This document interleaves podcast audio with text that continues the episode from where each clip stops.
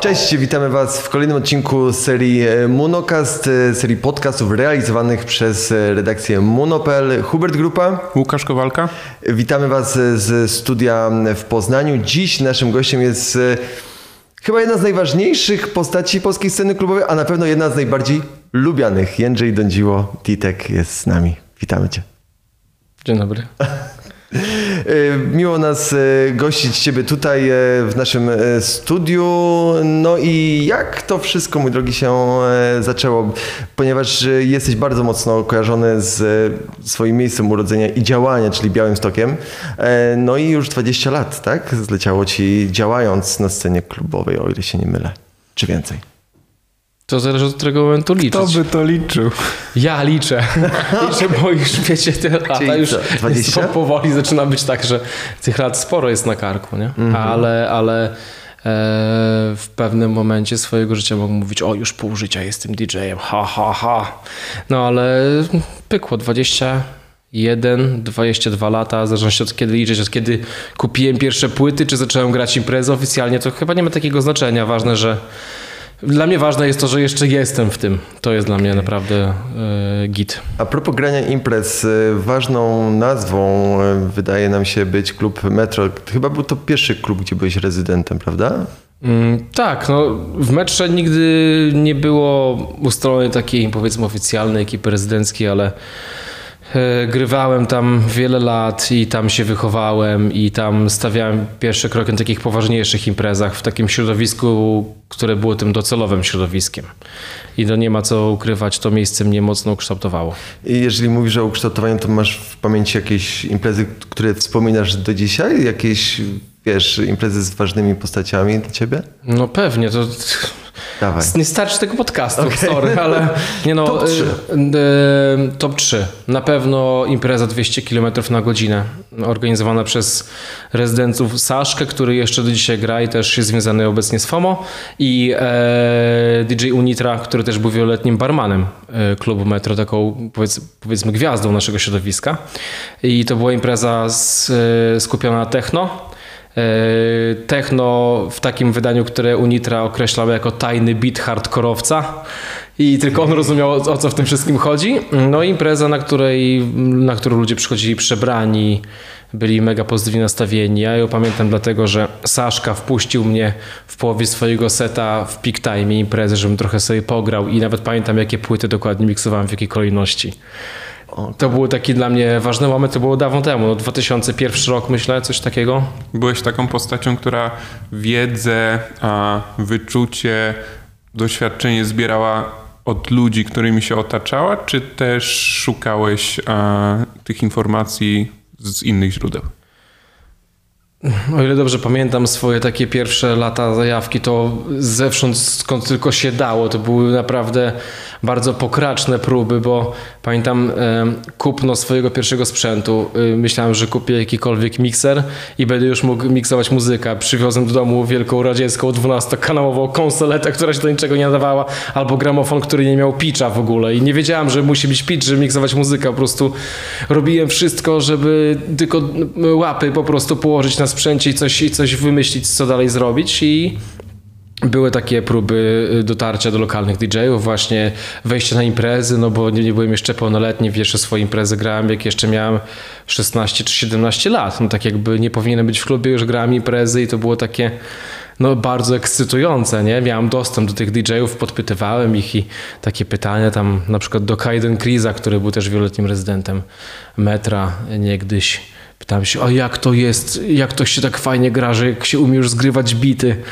A on się tylko ze mnie śmiał, mówi, pogadamy za rok, jak się sam nauczysz. Także no było było dużo takiego życia tym maksymalnie i Viva, Viva Cwaj i yy, czyhanie na Fashion TV na jakieś yy, kawałki z muzyką elektroniczną i kupowanie tych polskich różnych magazynów drukowanych, które niegdyś były. Plastik, kaktus, to wszystko. Akurat na przykład e, faza na techni- e, to było techniką mechanizacji muzyki. Mhm. W RMFC to akurat na mnie, mnie to ominęło, ale ale y, chociażby czerpałem wiedzę z czytania plakatów na mieście. Kto gra w metrze, kto gra w klubie Huta czy w Gwincie w Białymstoku i kto tworzy te line-upy, co to jest, co za, za DJ-e. Szukanie tego w, internetu, w internecie tego nie było za bardzo, ja też nie miałem internetu jeszcze wtedy w domu. To, to były takie czasy zupełnie inne niż teraz. DIY w pełnej krasie. No, teraz też jest DIY, tylko na czym innym polega, nie? Okej, okay. dzisiaj na czym myślisz, że polega, że dzisiaj internet jest e, dużym ułatwieniem, czy jednak troszeczkę nas e, temperuje i jak gdyby spatrza ideę, nie wiem, bycia DJ-em, bo mamy wyimaginowany mm. obraz tych DJ-ów stojących e, na wielkich scenach przed gigantycznym tłumem i wydaje mi się, że wielu DJ-ów dzisiaj rozpoczynających może mieć takie mylne myślenie, że okej, okay, nauczę się, przecież to jest proste, za chwilę tam będę, gdzie są oni. Wiesz, mi się wydaje, że to zależy kto z jakiej perspektywy zaczyna o tym myśleć. Mhm. Jeżeli ktoś jest młodą osobą, która dopiero wchodzi w ten świat, to nie wyczuje tego, że przez dzisiejsze przedstawianie sprawy w internecie bardzo dużo traci i nie dostrzega, może nie dostrzec głębi tego wszystkiego, co się dzieje w muzyce klubowej, w kulturze klubowej, w kulturze muzyki elektronicznej.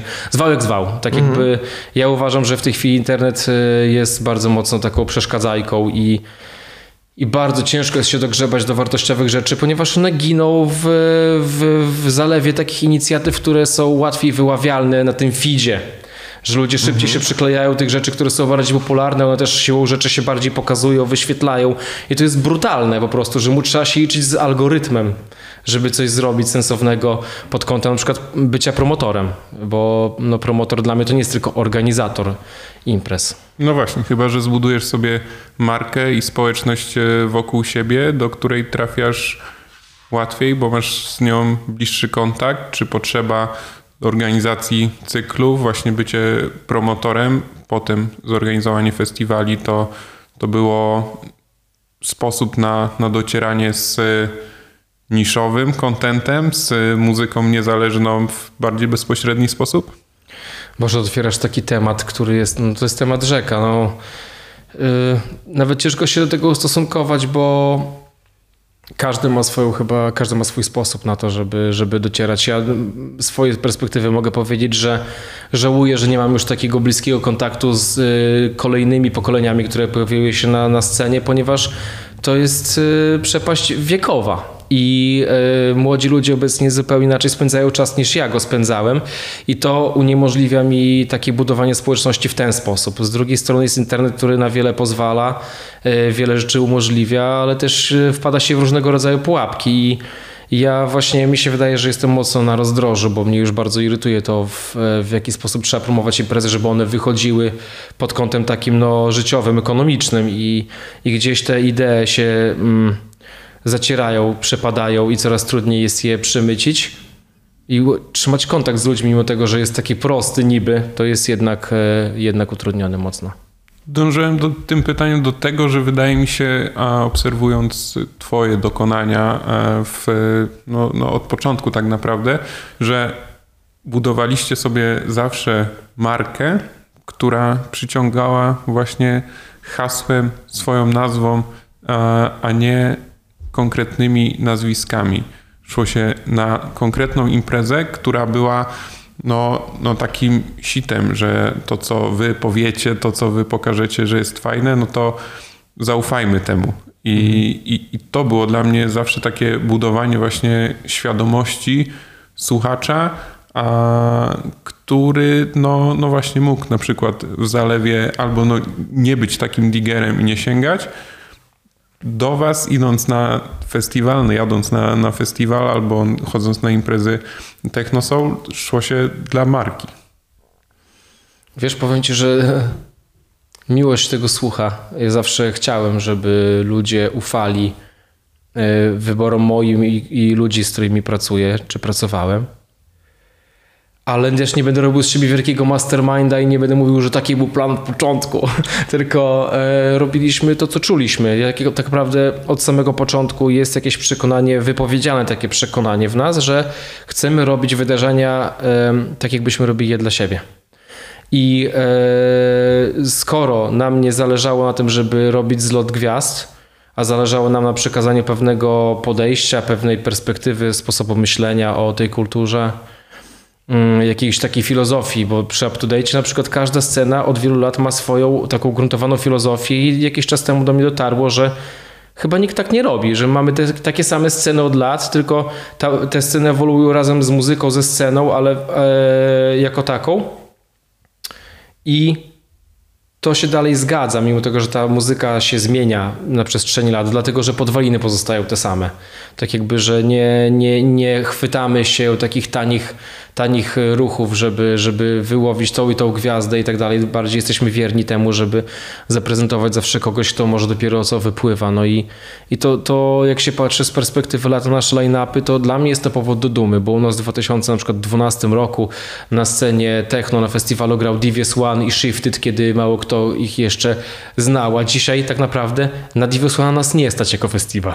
I to jest taki paradoks troszkę tej, tej sytuacji, bo jesteśmy jednak festiwalem mniejszym, niszowym, chętnie byśmy go ponownie zaprosili. Może akurat przyjdzie kiedyś taki moment, że będzie to łatwiejsze. Mów, powiedziałeś, że chcieliście robić imprezy takie, na jakie sami chcielibyście e, chodzić. E, wszystko to, co powiedziałeś, jest bardzo ładne i szczere, wydaje mi się przynajmniej. I mm, wydaje mi się też, że ma bezpośredni wpływ na to, jak jesteś postrzegany w środowisku, ponieważ bardzo trudno znaleźć osobę, która by cię nie lubiła? Albo nie szanowała. I naprawdę niezależnie od frakcji, ponieważ dobrze frakcji, okej, okay, dobrze, przekonamy się po zakończeniu programu. Niezależnie od y, jak gdyby frakcji w obrębie tego naszego środowiska klubowego, to naprawdę masz pewną taką pozycję mm, nienaruszalną. Naprawdę ciężko znaleźć osobę, która by cię w, jednym, w jednoznaczny sposób dyskredytowała. I wydaje mi się, że ta szczerość, którą tutaj przejawiasz i przejawiasz w swoim działaniu, jest czymś bardzo rzadkim. Ponieważ z moich obserwacji wydaje mi się, że ten brak szczerości jest czymś, co nagminnie występuje u nas na scenie. Że dużo rzeczy wygląda w ten sposób, że poklepujemy się po plecach, a potem za tymi plecami mówimy rzeczy, których nie powiedzieliśmy wprost. Czy masz podobne obserwacje? Czy ty obgadujesz często? W skrócie. yy, czy ja obgaduję? Tak, obgaduję, bo to jest cecha ludzka. To okay. jest, ludzie tak się zachowują. Nieważne, czy na scenie muzyki elektronicznej, czy na zapleczu opery narodowej w zespole baletowym. Mm. To, to jest po prostu nasz, nasz, nasza cecha jako ludzkości i myślę, że tego, mm, tego w gruncie rzeczy może wcale nie być więcej wśród nas niż mhm. gdzie indziej. Tylko po prostu to jest obecne i to jest dla mnie normalne. Ludzie się dzielą swoimi odczuciami, lubią sobie poplotkować i, i to, co mnie jednak w ostatnich latach bardzo boli, to to, że jest dużo takiego wylewania żółci w internecie. To, to jest to czegoś, czego ja nie akceptuję akurat, bo sobie pogadać o, o różnych zjawiskach, o różnych ludziach to zawsze było, zawsze będzie, ale ten internet i taka odwaga, która za tym idzie, że tak czujemy się półanonimowo jest jest takim no, motorem do tego, żeby ludzie na siebie trochę więcej poszczekali. I to akurat nam nie służy. Często się pojawiają w tych dyskusjach tacy e, samozwańczy moderatorzy, wy, wygaszacze, że słuchajcie, jesteśmy z jednej sceny razem, może, e, może przestańmy sobie się rzucać do gardeł i tak dalej, ale prawda jest taka, że to nie, to jest moja prawda, to jest moja opinia. Mm. Nie ma już jednej sceny. Scena jest moim zdaniem podzielona na wiele różnych fragmentów i to nie jest sytuacja sprzed 15 lat, kiedy y, wszyscy się znali i było kilka klubów, kilka festiwali mniej albo kilkadziesiąt festiwali mniej. I, i miało się poczucie tego, że to jest jedna scena nikt nikomu nie zagląda do garnuszka zwanego poglądami.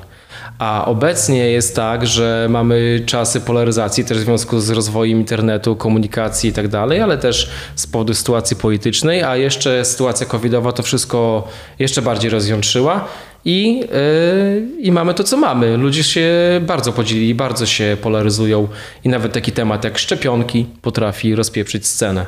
Więc yy, nie wiem, ja tak bym to podsumował, że tu jest problem tak naprawdę, nie gadanie na backstage'u. Mhm. Okay. Myślisz, że to jest kwestia skali sceny? No skala sceny... Yy, w ostatnich latach, tak jakby przed pierwszym lockdownem, te kilka ostatnich lat to był bardzo dynamiczny rozwój i tak jakby widzieliśmy, że doszło do takiego wyścigu zbroi, nowe kluby, nowe festiwale, line-upy wypchane po prostu headlinerami na wzór zachodni, tak na maksa po prostu jazda bez trzymanki. Sam w tym y, do pewnego momentu uczestniczyłem. Myślę, że też mieliśmy y, razem z Techno Soul dużo, dużo y, Jesteśmy współodpowiedzialni za to, na pewno, bo byliśmy jednymi z pierwszych, którzy na przykład porobili imprezę techno z trzema headlinerami na raz. I, I dopiero teraz widzę, że można było pójść trochę jednak inną drogą, aczkolwiek nie wiem, czy byśmy w ogóle tego uniknęli, bo zawsze było tak, że dążyliśmy do tego, do tego wzoru zachodniego. Nie? Mówiłeś, e, że rozpędziliśmy się przed lockdownem. Ja gdzieś na początku lockdownu miałem wrażenie, że mm, ta sytuacja doprowadzi do tego, że a, zostaną ci, którzy najbardziej e, jakby są wierni kulturze i albo którzy na przykład mieli najlepiej zorganizowane zaplecze, którzy no, mają największą świadomość pewnych e, no, ruchów, które, które się dzieją. Mm, odpadną ci sezonowcy. Nie masz wrażenia, że jeżeli możemy użyć słowa po pandemii, a przynajmniej aktualnie, jest jeszcze więcej e, sezonowych promotorów i, i, i teraz jest więcej osób, które się bierze za organizację, to się, to się gdzieś tam wiąże też z coraz większą festa- festiwalizacją, może podzieloną na pojedyncze dni, podwójne dni, ale, ale ja tak się zastanawiam, że właśnie coraz więcej jest osób, które no gdzieś tam nie mają tego zaplecza i, i, i ciekawy jestem, czy to cię w jakimś stopniu irytuje, czy, czy, czy w ogóle jesteś niewzruszony na to? Myślę, że etap y, irytacji, etap złości, czy takiej niezgody na pewne rzeczy już mam za sobą. Już y, nie ma sensu się, się rzucać samą ze sobą, nie, nie zmienię tego, prawda? Ale jak słuchałem y, ciebie, to miałem w głowie raczej takie poczucie, że to, co się działo właśnie tuż przed tą sytuacją, czyli jak byliśmy w lockdownach, to pojawiło się dużo inicjatyw, które po prostu znikąd yy, wjechały z imprezami właśnie w czasie, kiedy nie powinny te imprezy się odbywać. I na tym ludzie niemalże od zera niektórzy budowali sobie swoje, swoją markę. Jak dla mnie to jest akurat budowanie antymarki, ale, ale, ale sporo inicjatyw, które się pojawiły i teraz już e, działają oficjalnie, ale zaczęły w, w czasie lockdownu i to jest no, takie niesmaczne. To ujmę tak to powiedzmy yy, dyplomatycznie. Mhm. Myślę, że powinniśmy teraz zahaczyć troszeczkę o wątek up to date. Jest to dla mnie o tyle wyjątkowy przypadek, że wasz festiwal przełamuje bardzo ważny stereotyp. Przynajmniej ostatnie edycje, które odbywały się już w troszeczkę innej rzeczywistości nie odbyłyby się, gdyby nie wasza współpraca z instytucjami publicznymi. I to jest myślę, że rzecz, którą może trzeba odczarować, czyli że rzeczywiście jest płaszczyzna do współpracy między mm, sceną klubową a instytucjami publicznymi i vice versa. Instytucje publiczne też mogą zyskać na współpracy właśnie ze środowiskiem klubowym. Uh, hmm.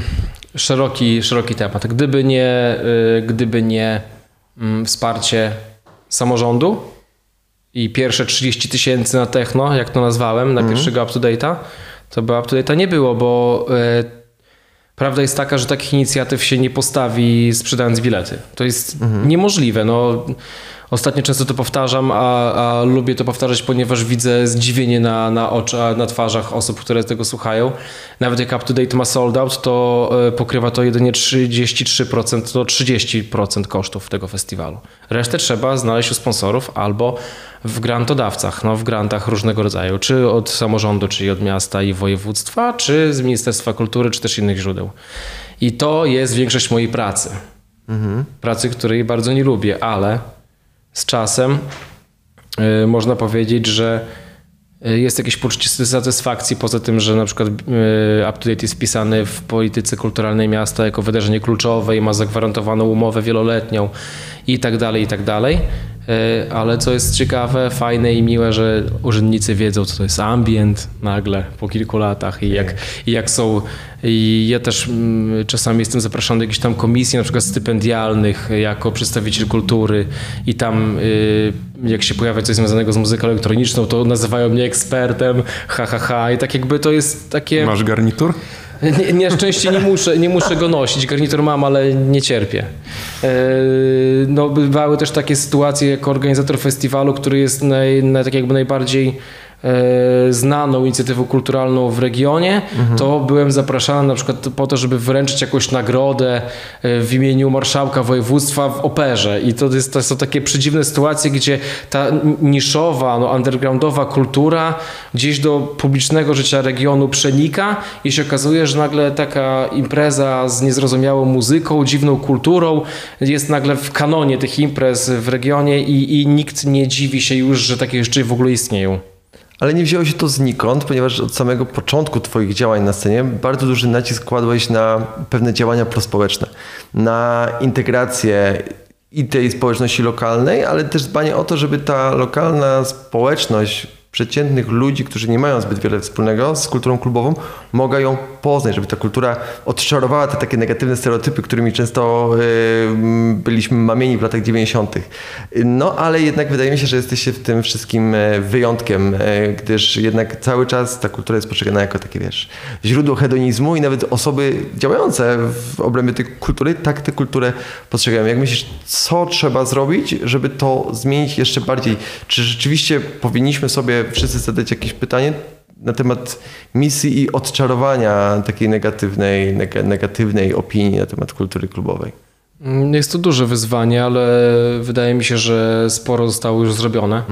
Na pewno to, że, że nasza kultura zaczęła też działać troszkę tak w teorii, chociażby różnego rodzaju debaty, jakaś konsolidacja środowisk, y, sieciowanie się, współpraca z instytucjami kultury, odbywanie się koncertów muzyki elektronicznej właśnie w salach instytucji, e, granty właśnie tak jakby, które są zdobywane przez różne organizacje też świadczą o tym, że to jest zjawisko, z którym należy się liczyć, ale społeczeństwo wciąż ma takie poczucie, że na przykład to jest wielka dyskoteka i to jest jedno wielkie chlanie piwa i tak dalej, i tak dalej. No to jest e, bardzo krzywdzące. Jeżeli komuś zależy na zmianie tego, tego wizerunku, to powinien zagryźć zęby i coś z tym robić, no bo jeżeli my będziemy rzeczywiście sobie tylko robić imprezki po klubach i, i się bawić i nie myśleć o tym, co to znaczy i dla kogo to jest i po co, jaka jest tego przyszłość, no to rzeczywiście skończymy tylko na robieniu imprezek w klubach. A jeżeli będziemy robić warsztaty, jeżeli będziemy robić debaty, jeżeli będziemy y, robić jakieś wydarzenia interdyscyplinarne, że będziemy to łączyć z teatrem, czy, czy z filmami, czy mm, jeżeli my nie będziemy też wyciągać ręki do instytucji, do środowisk, które nas nie rozumieją, no to pozostaniemy tymi takimi wykolejeńcami w ich oczach, że to są jest techno, dzikie techno, a oni tylko by po lasach tańczyli i tam ćpali. Tak jakby, no to tak ludzie przecież myślą, ale jakoś na przykład na przykładzie Up to Date i też innych festiwali, chociażby Unsoundu, tak? Jest możliwa współpraca z instytucjami, z instytucjami i to jest współpraca, która przynosi korzyści obu stronom. Jednak wydaje mi się, że i tak wykonujemy cały czas za mało tego typu ruchów, ponieważ jak pandemia pokazała, żaden polityk, żadna partia, żadna instytucja centralna nie pochyliła się nad losem klubów. Te kluby pozostały tak naprawdę same sobie. I jak ostatnio pokazała ankieta przeprowadzona w Wielkiej Brytanii, jedna czwarta społeczeństwa nie chce i nie potrzebuje powrotu klubów. I wydaje mi się, że gdyby taką ankietę przeprowadzono w Polsce, to odsetek byłby jeszcze większy. No Jezu, pewnie. No, nadal jesteśmy niszą. Dziwicie się? Tak jakby, ale z założenia powinniśmy być niszą. Tak jakby y, ja, znaczy mnie nie przeraża to, że jedna czwarta społeczeństwa Wielkiej Brytanii y, ma gdzieś kluby, no bo y, w Polsce też by się znalazło jedna czwarta chociażby ludzi w jakimś tam wieku podeszłym, którzy nawet nie zarejestrowali nigdy, że takie kluby mogły y, w ogóle zaistnieć, że w ogóle, że są. Więc tak jakby to nie jest taka statystyka, gdybyśmy zrobili statystykę To y, są najprawdopodobniej wszyscy, którzy dzwonią e, na policję, jak otwiera się jakaś e, nowa miejscówka w plenerze. Profilaktycznie. Bardzo, bardzo możliwe. Właśnie o to chodzi, że gdybyśmy zrobili tak, takie badanie wśród ludzi 18-35 w Polsce z dużych miast. I gdyby tam był odsetek 1 czwarta, to też byś, to wtedy ja bym był zmartwiony. Ale to nam nie grozi, myślę, że, że, to, że to nie jest tego typu przypadek. I e, zawsze można zrobić więcej. Zawsze można zrobić więcej, ale to też ja zawsze byłem takim zwolennikiem odczarowywania, dlatego Up to Date jest taką imprezą dla wszystkich, jest taka na maksa zapraszająca, gościnna i nie, nie, nie, nie, nie zaprasza ludzi tylko pewnego rodzaju, tylko no wiadomo, pewnym filtrem jest to, że trzeba zapłacić za bilet, że, że to są rzeczy, które my promujemy w pewien sposób, a nie, a, nie, a nie tak szeroko. Nie zalepiamy całego miasta billboardami, nie robimy z tego takiej fiesty ogólnomiejskiej, tylko to jest impreza robiona raczej w klimacie i coraz bardziej ta nasza statystyka biletów pokazuje, że coraz więcej, znaczy coraz większy procent naszych uczestników to są ludzie przyjezdni. No, siłą rzeczy do tego się spodziewaliśmy i nawet na to liczyliśmy, ale cały czas próbujemy być otwarci na tą lokalną publikę z Białegostoku, tej, która nie rozumie i tak jakby może takim pretekstem, że jest fajna, duża impreza w mieście ich zachęcać. Mówiłeś, że większość czasu w kontekście przygotowania festiwalu to, to taka papier, papierkowa robota instytucjonalna, a mnie ciekawi, jaką częścią jest a, promocja, PR. Może to nie tyczy się bezpośrednio ciebie i twoich zadań, ale właśnie jak dużą wagę przykuwacie do tego, bo właśnie to jest tworzenie tego wizerunku i dla instytucji, ale też dla mieszkańców Białego Stoku i dla ludzi przyjezdnych. No, mamy takie swoje małe działy w UpToDate. No, pracuje nas mało osób, tam 8 y, osób w skali roku chyba pracuje. I no, dział komunikacji jest najbardziej zapracowanym działem. Oni mają młyn non-stop, a na koniec to mają nieludzkie zadania do dowiezienia i, i to, to jest hardcore absolutny, bo, bo dużo rzeczy się dzieje na ostatnią chwilę, jest nieprzewidywalnych i nieważne jak dobrze się przygotujemy do tego, to się nie da tego rozłożyć w harmonogramie i po prostu codziennie przyjść i wiedzieć, co ci czeka. W ogóle nie ma opcji. Się odzywa takie muno i coś chce na zaraz i co. nie, tak jakby y, sami wiecie pewnie, jak to wygląda od, od zaplecza. Jest dużo różnych, y, no chociażby w tym roku y, pokłosiem, problemów z bukowaniem i tak dalej. Jest też wielki, wielki stres w komunikacji festiwalu, bo to spada na, na sam koniec, na na dział komunikacji, który musi dowieść grafiki, wszystkie zmiany wprowadzać niemalże w czasie rzeczywistym, co jest niemożliwe. Już trzeba to wypychać, trzeba to wypychać i, i prawda jest taka, że nasze ogłoszenie artystów było spóźnione o trzy tygodnie. No nikt tego nie wie, no ale przez te wszystkie problemy z nowymi kwarantannami to się zaczęło rozsypywać jak domek z kart i, i na koniec jest ta ekipa, która musi to polepić i u nas są tu ludzie, którzy są oddani sprawie, więc to działa ale gdyby to była agencja, która dowozi coś dla klienta, no to byśmy pewnie stracili swoje posady. Okay. No. E, o ile formuła festiwalu mniej więcej się nie zmienia od początku, to sam jego kształt bardzo mocno, bo zmieniały się lokalizacje, e, zmieniała się też troszeczkę marka, bo pamiętam jak jeszcze Up to Date występ pojawiał się z tym przedrostkiem mhm. sygnującym e, jednego ze sponsorów. E, I zastanawiam się, co w tym wszystkim było takiego najtrudniejszego, jeżeli chodzi o te zmiany, e, co stanowiło no, dla Was jakiś taki game changer. Wydaje mi się, że był taki moment, że urośliście nagle z takiego małego lokalnego festiwalu do marki już ogólnopolskiej, stawianej chociażby na tym samym pułapie, co wspomniany przez Ciebie Unsound. Wiesz, ten rozrost na początku nie był problemem. Mm. Problemem, y, nie spodziewacie się odpowiedzi na to pytanie, naprawdę. Problemem było to, co się zadziało, jak my już, już trochę rozrośliśmy i jak, wjechało, jak wjechały nam służby do biura, zarekwirowały komputery i dokumenty. Tak jakby w dużym skrócie, nie, tak jakby nie mogę o tym opowiadać za bardzo, ale to jest, to, to, był, to był game changer. Jak powiedziałeś to, to ja od razu miałem to przed oczami bo ktoś serdecznie napisał anonim z, ze stekiem bzdur i mieliśmy na głowie różnego rodzaju kontrole przez rok, włącznie z CBA. I e, naprawdę było trudno. Naprawdę było trudno, skończyło się to różnymi konsekwencjami, e, braniem na siebie odpowiedzialności za rzeczy, które, za które nie powinniśmy brać odpowiedzialności, ale tylko po to, żeby festiwal przetrwał. I to był jeszcze czas, którym się, którym się zbiegło to, że jeden ze sponsorów e, nagle nas zdecydował się opuścić. I to był naprawdę bardzo, bardzo ciężki czas. I, I potem, jak się już odgrzebaliśmy, to się przenieśliśmy na stadion mhm. i wtedy ta nowa energia wstąpiła w up-to-date i on e, do jubileuszu dziesięciolecia bardzo szybko rósł. I, I myślę, że to już te najczarniejsze czasy mamy za sobą. I no nawet jak mówię to kurczę w trakcie pandemii, więc musicie sobie wyobrazić, jak było ciężko. Tu będzie trzeba na pewno podłożyć jakąś muzyczkę. Przed odpowiedzią na to pytanie. Dramatyczne skrzypki. Jakiś ciężki dron raczej. Może być. To porozmawiamy o przyjemniejszych e, rzeczach. Zastanawialiśmy się z Łukaszem e, przed rozmową z tobą, czy istnieje jakaś formuła artysty, który gra na up to date? W sensie, czy jest mm, jakiś klucz doboru artystów albo tego, co muszą reprezentować, żeby zwrócić Twoją uwagę, abyś zaprosił ich na up to date?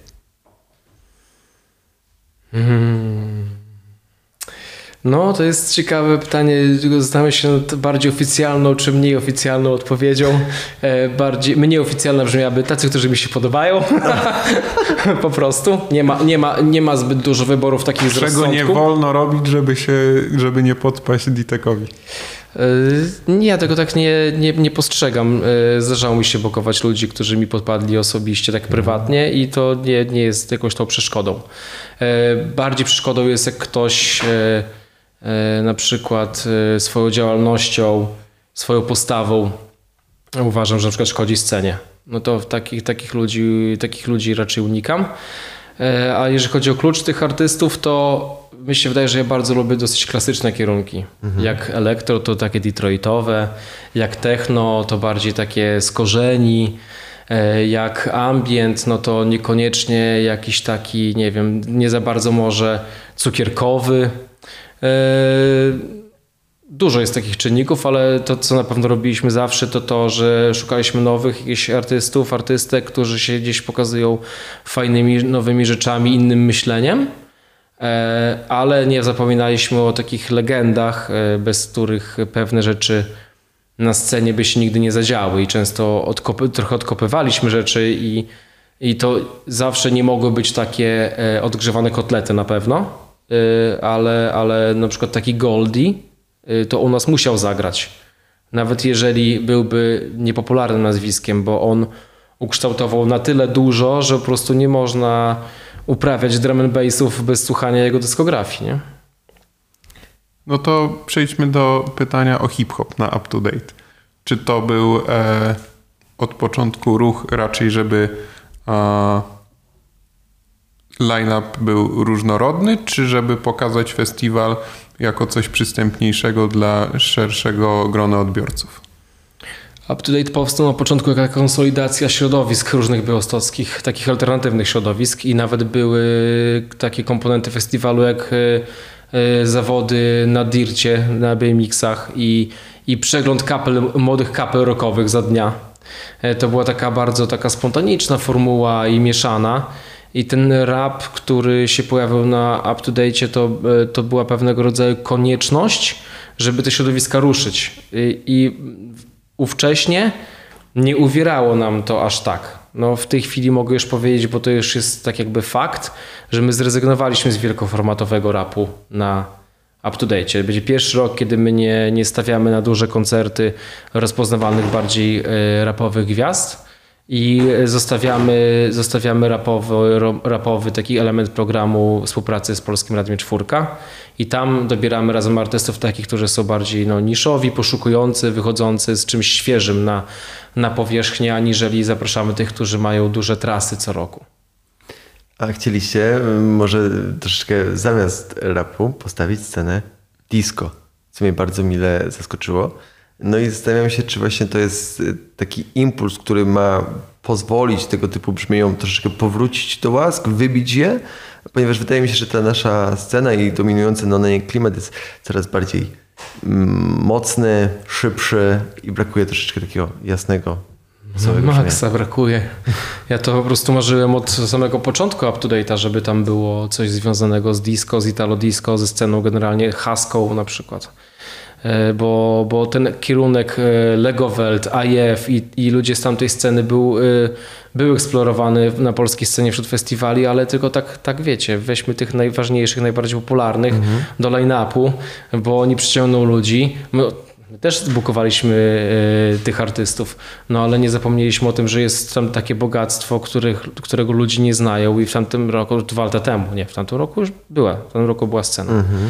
Scena disco na up-to-date i to był eksperyment, który zakończył się po prostu gigantycznym sukcesem. To była oblegana scena, było mega słonecznie, mega pozytywnie i, i bardzo chciałbym to kontynuować, oczywiście w miarę możliwości. W tym roku to się na up-to-date nie uda, jest to, jest to ponad nasze siły, y, bo festiwal jest mocno zlimitowany i są ciężkie czasy, ale na pewno myślimy o tym e, w perspektywie dłuższej, takiej, żeby to był stały element. Zresztą też powiem, że mam poczucie jakieś takie, że Dicho generalnie wraca i że ten mrok i na, za przeproszeniem napierdalanka to niekoniecznie będzie ten kierunek, który będzie najpopularniejszy w klubach, a, a na pewno scena będzie się różnicować pod tym kątem. Myślę, że tego sobie bardzo mocno ży życzymy, jak tutaj wszyscy siedzimy e, w trójkę. Jędrzeju, mamy dla Ciebie kilka pytań, e, które składają się na naszą część gier i zabaw. Nie, już mi już. I to będzie, niech to potraktujmy to jako wspaniałe zakończenie. Jako taki element disco na Mrocznym Festiwalu.